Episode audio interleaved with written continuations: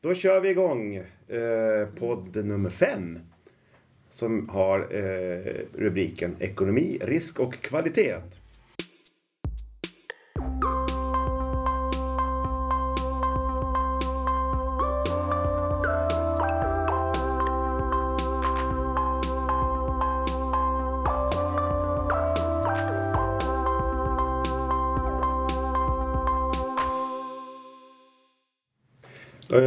Vilka som sitter runt bordet idag? Lars-Erik Persson. Lycke Silverbrand. Fredrik Larsson. Ja, och Ulrik Jansson.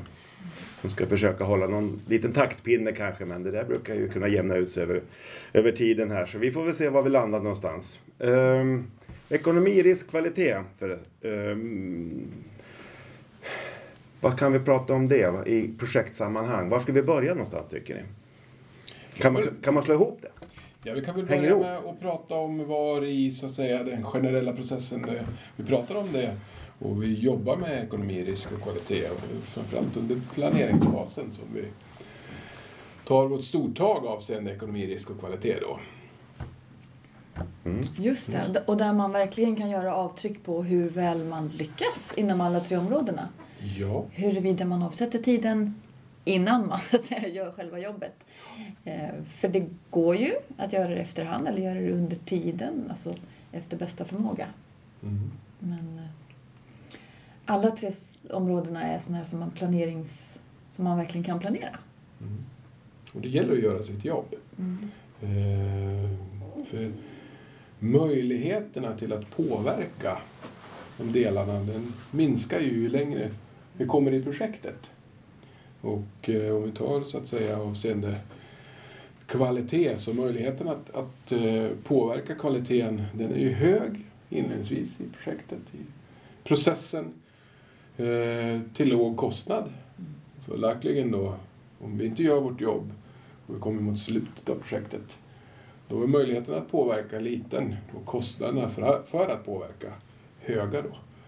Så att eh, det gäller att göra sitt jobb grundligt i planeringsfasen. Det är min erfarenhet. Ja, men jag tänker det som gör att man ändå... Det här är ett område som man lätt fallerar i. Som är, det är lätt att säga hur man borde liksom. Men då i den planeringsfasen så är det ju då man vet minst hur man ska jobba för att få den där kvaliteten till det priset. Så det är väl det som... Ja, Utmaningen. det är det som är utmaningen. Vi är väl lite inne på, alltså det är, nej, det är återigen den här triangeln som vi hela tiden, tror jag allihop jobbar ut efter. Eh, tid, kvalitet och resurser, kostnad. Då. Mm. Och där, där kommer ju många av de här, eh, har ju bäring, både ekonomi och kvalitet. Och risk också i och för sig då. Centreras ju mycket runt den här triangeln. Som jag brukar tjata om i alla fall i alla möjliga sammanhang. Att det, det är det någonting man ska ha koll på, ha klart för sig så är ju den här triangeln, alltså, och förhållandet mellan, att det hänger ihop, de här hörnen.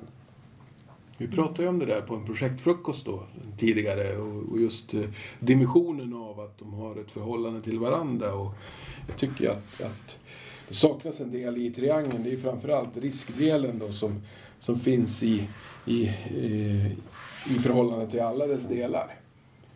Och eh, den, har ett förhållande som påverkar. Eh, risker eh, påverkar ekonomin. Risker kan påverka kvaliteten framförallt tiden för genomförande. Så att ser det, att den borde så att säga kompletteras. Om, om vi bryter ner de här tre, vad är det man gör i, i de olika delarna rent praktiskt? Inom ekonomidelen, vad, vad, vad händer? Jag tycker det som är gemensamt för alla de här tre områdena som vi pratar om det är ju egentligen att man på något sätt försöker förutse vad det är som komma skall. Och precis som du var inne på Larsa, det är ju i början så är det ju gapet mellan den information som man har och den information som man skulle behöva eller vilja ha, den är ju ganska stor. Och ju längre man kommer i projektet per automatik ju, ju, ju mindre förhoppningsvis blir gapet. Eh, Och eh, både ekonomi, kvalitet och, och risker, det är ju per definition är ju sånt som man gärna vill ha total koll på. Men som man inte har.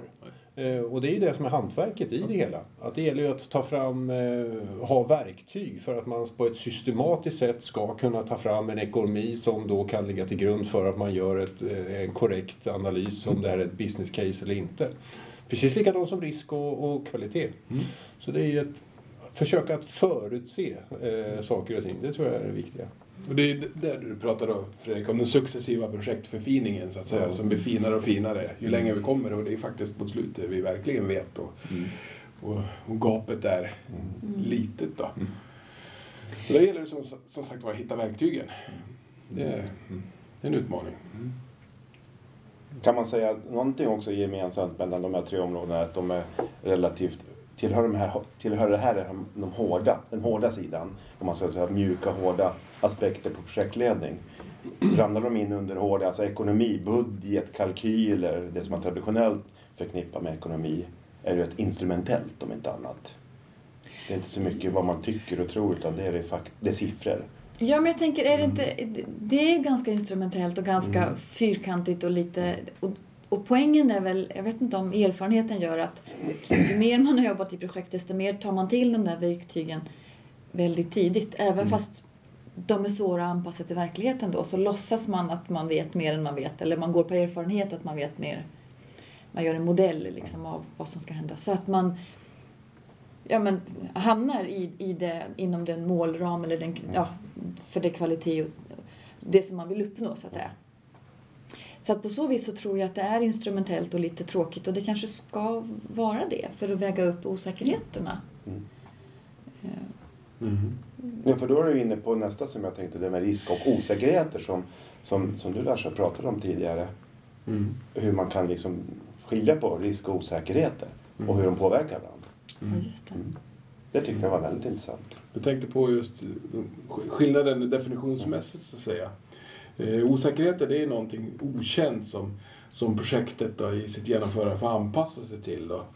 Eh, och däremot då, som risker det är någonting som är känt, någonting som vi har, har satt fingret på men vi vet ju inte utgången, det vill säga det är en oviss utgång. Då.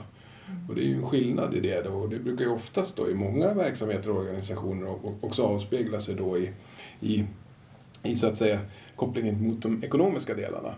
Att osäkerheter, det kan vi ekonomiskt få ta höjd för i projektet, men riskerna då som, som är kända, men vi vet inte utgången av dem, de kan till exempel en styrgrupp då, eh, behöva ge klartecken för att vi får använda de ekonomiska medlen kopplat till en risk. Då. Så att eh, det, det är en skillnad. Eh, men där upplever jag i alla fall i mångt och mycket i, i, när jag pratar med, med människor i, i projektorganisationer att man, det är ett sammelsurium. Man slår oftast ihop det här och pratar risker och man pratar osäkerheter så att säga ihop. Det är min, min uppfattning att det, det är svårt att hålla Man skiljer inte på dem. Nej, utan, eh, utan- man, man pratar om att ja, ja, vi har projektet och så eh, vi har, vi har en budget och så behöver man en kudde liksom och så säger, nämner man den som osäkerhet och så försvinner riskerna i någonting då så att säga.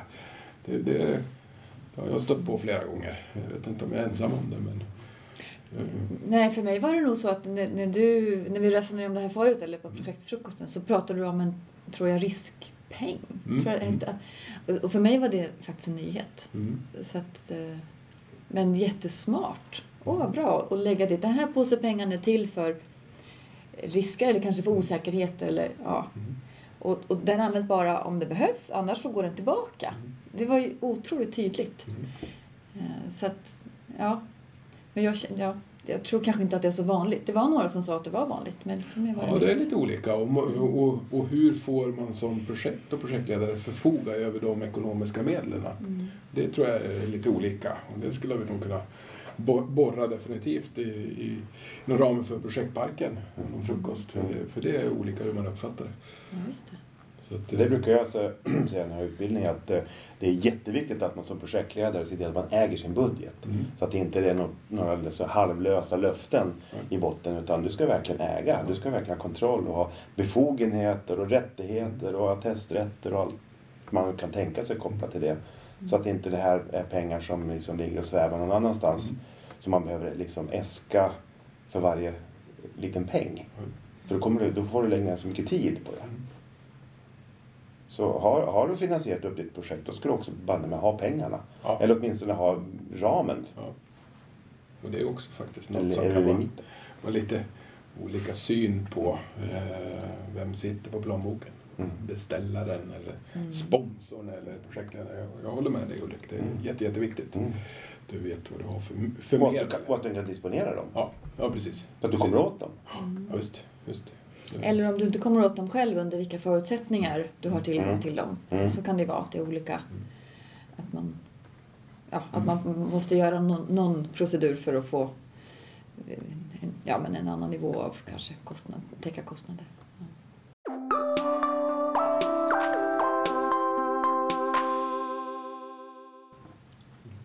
Men jag tänkte på, på en, en, en, eh, ett projekt som jag känner till. att det här med risker och så, att, att eh, det är en sak att man har risker i sitt projekt. Men det projektet lever ju i närheten av en linjeorganisation. Och där kan det ju också finnas osäkerheter kanske, eller, eller risker. Och ibland kan det hända att man ärver dem till viss del. Och ibland kan det vara svårt att skilja dem också från vad är det som är projektrelaterat och vad är det som är linjerelaterat. Och Ja, ja, den gränsdragningen kan ju påverka till exempel våra kostnader Mm. eller våran budget, vilket det kanske inte ska belasta egentligen. Jo, för projektet drivs ju inom ramen för en organisation. Ja. Som, som både av projektverksamhet och linjeverksamhet och allt. Mm. Alltihop kan ju innehålla risker. Man Ja. kommer ju inte undan.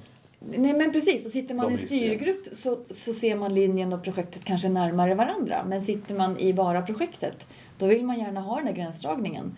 Ja, det är kanske är ett linjeproblem, men det är inte ett projektproblem. Kan vi, kan vi sära på det? Och, ja. Mm.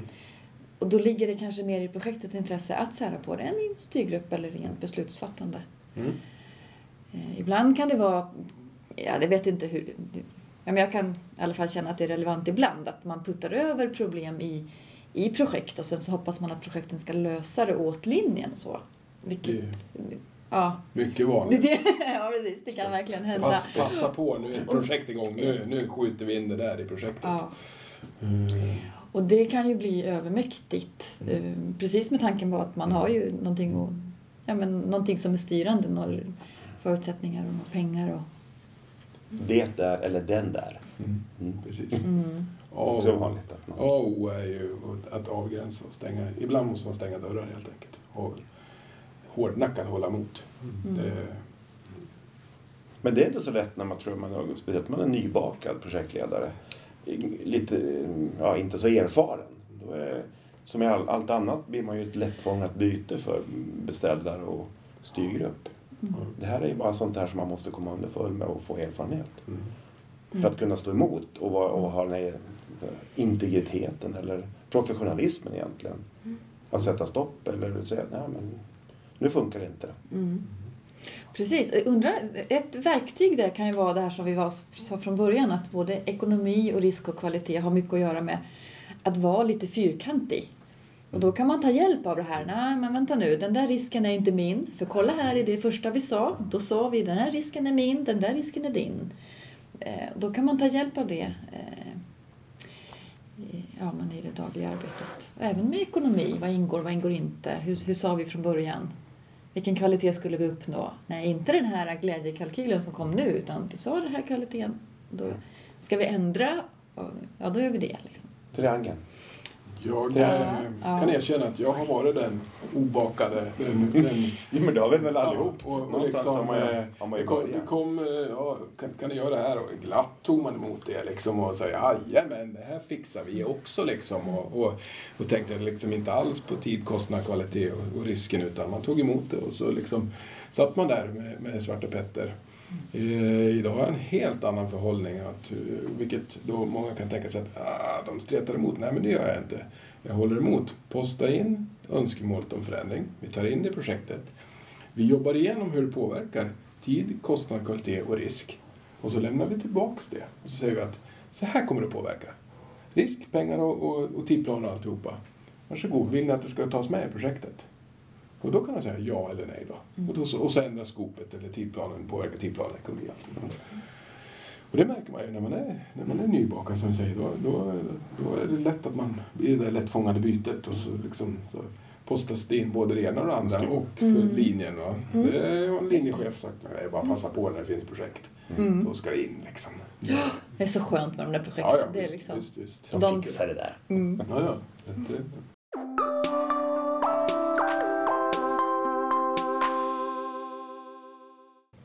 Det finns en annan aspekt som jag tycker är intressant i det där att vi, det vi pratade om tidigare, det där med att det är en stor osäkerhet. Vi kan ju prata om e-, ekonomi, kvalitet och, och liknande sånt där. Att alltihopa är ju ett sätt att kunna på ett konstruktivt och, och bra sätt för, förutse saker och ting. Och då kan man ju säga, och så, så, så säger vi som så att det, det är en mängd olika verktyg som man ska ha för att få koll på, på, på det där. Men det som jag har, har lärt mig på, på, eh, efter att ha arbetat med det, det är väl att ja, men man kan ju inte trolla med knäna. Man kan ju inte förutse saker och ting. Och då, då står man ju där. Så då blir det som ett moment 22 helt enkelt. Och då tycker jag att det absolut viktigaste det är att man, att man får ta vissa antaganden. Man får göra vissa antaganden för att ja men så här har vi, så här har vi tänkt. Den här budgeten är baserad på följande antaganden. Och då kan man ta fram den här budgeten. Precis likadant som de här kvalitetsaspekterna kan vi ta fram med hjälp av det här och så vidare och så vidare.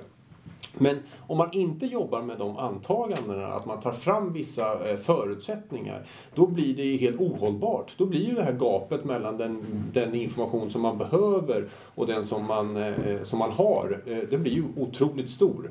Såvida man inte gör vissa antaganden. Och det tycker jag är viktigt att man eh, måste lära sig att ta göra de här antagandena. För annars så slutar det med ett gigantiskt moment 22. Vi kan inte göra någon budget för vi har ingen aning om det här eller det här eller det här. Ja, då Ja, får då vi spelar helt enkelt göra... Nej, då får man göra antaganden. Ja, men då antar vi att det är på det här sättet och sen så kanske vi får ändra det sen senare. dem då? Ja, Ja, då säger vi som så att ja, men det är det här som ligger till grund för Ja. den, här, eh, den här budgeten. Ja. För vi har ingen aning. Vi har aldrig gjort det tidigare eller vi, det finns ingen annan, vi kan inte göra någon eh, förstudie eller något liknande sånt där utan då får vi göra antaganden helt enkelt. Och det tycker jag är ganska viktigt i det här planeringsstadiet som vi håller på att diskutera just nu. Att eh, ja, det är en utopi att tro att man kan få fram all information utan oavsett om man ska genomföra förstudier eller liknande sånt där, utan till slut får man göra vissa antaganden. Och då tycker jag att det är helt okej att göra det, så länge man presenterar vad det är för antaganden man har gjort. Mm, tycker jag. Och det tycker jag är centralt i det här eh, planeringsfasen som vi nu håller på att diskutera här. Jag vet ett projekt som gick i stöpen för man klarar inte av att göra antaganden. Man skulle, man skulle ha allting spesat. Ja, Man, man nöjde sig inte med antaganden. Nej. Det på så länge så att det liksom... Ja, men då kommer man ingen vart. Jag kom aldrig någon vart. Och det blev ju resultatet. Ledningen tittar på det. De, de har ju inte producerat någonting. Det är bara förbrukat pengar liksom, och tid. Va? Ja. Så att, eh, och jag håller med fullständigt. Slå ner antaganden. Eh, Men sen tänker jag på en sak till med antaganden. Sätt antaganden, absolut. Men var beredd att ändra dem sen. För sen när, verksamhet, när verkligheten kommer i- ikapp så stämde 50 procent och 50 procent var inte riktigt. Men men kanske... då har ju gapet minskat lite. Ja, precis. Då har Då har gapet lite- minskat. Då får Ja. man ta ett nytt. Ja, då får man ta ett nytt antagande. Ja. För det är lite... Eller förfina det, eller vad man ska säga. mm. Ja, men har man tur och har man, har man skicklighet kanske, eller tur, då, då behöver man bara förfina. Mm. Men ibland måste man ju göra omtag. Liksom. Mm. Vi trodde fel. Mm. Mm. Och det är väl också en del i professionalismen att, att ja, ibland så tror man en sak, men så är det inte. Eh, något annat var jätteavgörande eller det Mm. fanns osäkerheter som vi inte kunde förutse eller vi blev omsprungna, lägger ner alltihop. det var irrelevant. Det, så kan det ju vara och det är ju också ja, det får man hantera också.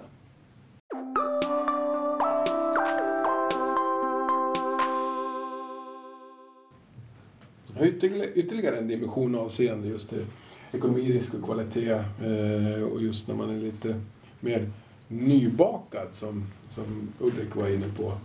Det är att, att eh, man jobbar alldeles för lite med prognoser. Eh, det vill säga att, att man kommer då till exempel när vi har slagit i taket avseende de ekonomiska medlen. Och då är man lite för sent ute för då, har man, då, då tvingar man upp kanske en beställare i ett hörn för ett faktum av att vi har redan dragit över ekonomin eller vi har redan slagit igenom. Det vi är ute efter är att det måste jobba mer med prognoser. Var är vi på väg någonstans avseende ekonomin? Och innan vi går igenom budgettaket så ska vi redan ha äskat mer pengar. Vi ska jobba mer med prognoser avseende tid, vad är vi på väg? Och, och innan vi har fått en, en, en försening och en förändring i tidplan så ska vi avisera det så att man ger beställarna möjligheten att, att verkligen ta beslutet. För det blir en, ett irritationsmoment kan jag lugnt sagt säga när, när, när man blir upptvingad i, i, i ett hörn. Det vill säga man har förbrukat någon annans pengar redan. Mm. Det här kan man ta till exempel om vi säger renoveringen av, av eh, eh badrummet hemma. Tänk er att ni har, ni har en kalkyl på 50 000 och så, och så eh, firman, entreprenören som man har, har, har eh, anlitat kommer och säger ja vi bytte kaklet och vi, vi tog ett annat tvättställ så det här blir 75 000. Då har ju de per, per definition beslutat redan åt mig på 25 000 ytterligare. Och jag är liksom uppträngd i ett hörn där. Jag står inför faktum. Mm. Och faktiskt då den sista delen som många då kanske, eh, också när man är lite nybakad, lägger åt sidan. Det är prognoser avseende risker har jag jobbat med. Mm. Var är vi på väg någonstans avseende riskerna?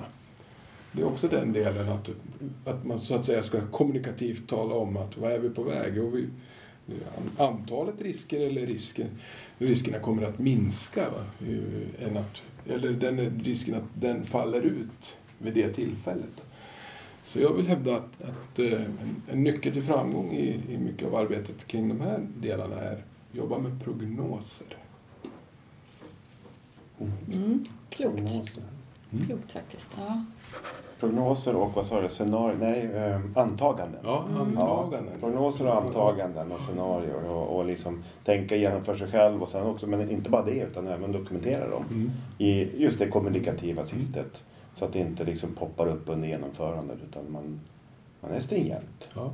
och, och, och kommunicerar det här då till beställare, styrgrupp, andra intressenter också. Intressenter, precis. Ja, Ja, det är, vi hör. Och det är lätt att glömma bort. Man är så jäkla fokuserad på, på beställare och styrgrupp. Mm. Precis. Men det finns ju faktiskt andra ganska viktiga intressenter Ja. som inte är så nära projektet. precis. Ibland har man ju finansiärer som står, står rätt långt ifrån projektet. Men som är intresserade av slutresultatet. Mm. För det det är det de ska betala. Ja, visst, visst. Mm. Ja, intressant ämne. Vi börjar närma oss slutet på, på den här podden i alla fall. Och det här kan man ju som sagt som allting annat inom projektverksamheten prata om hur mycket som helst och hur länge som helst. Och speciellt vi tror jag. Ja. Så det här är ju livsfarligt att släppa, släppa lös eh, Ja. Hästarna i den här hagen. Ja. Helt fullständigt. Utan vill väl in i fållan igen kanske då. Eh, men eh, om man ska sammanfatta som sagt då. Jobba lite med eh, prognoser, antaganden. eh, Best, och worst case scenarios kanske. Jag vet en del jobbar med. Mm.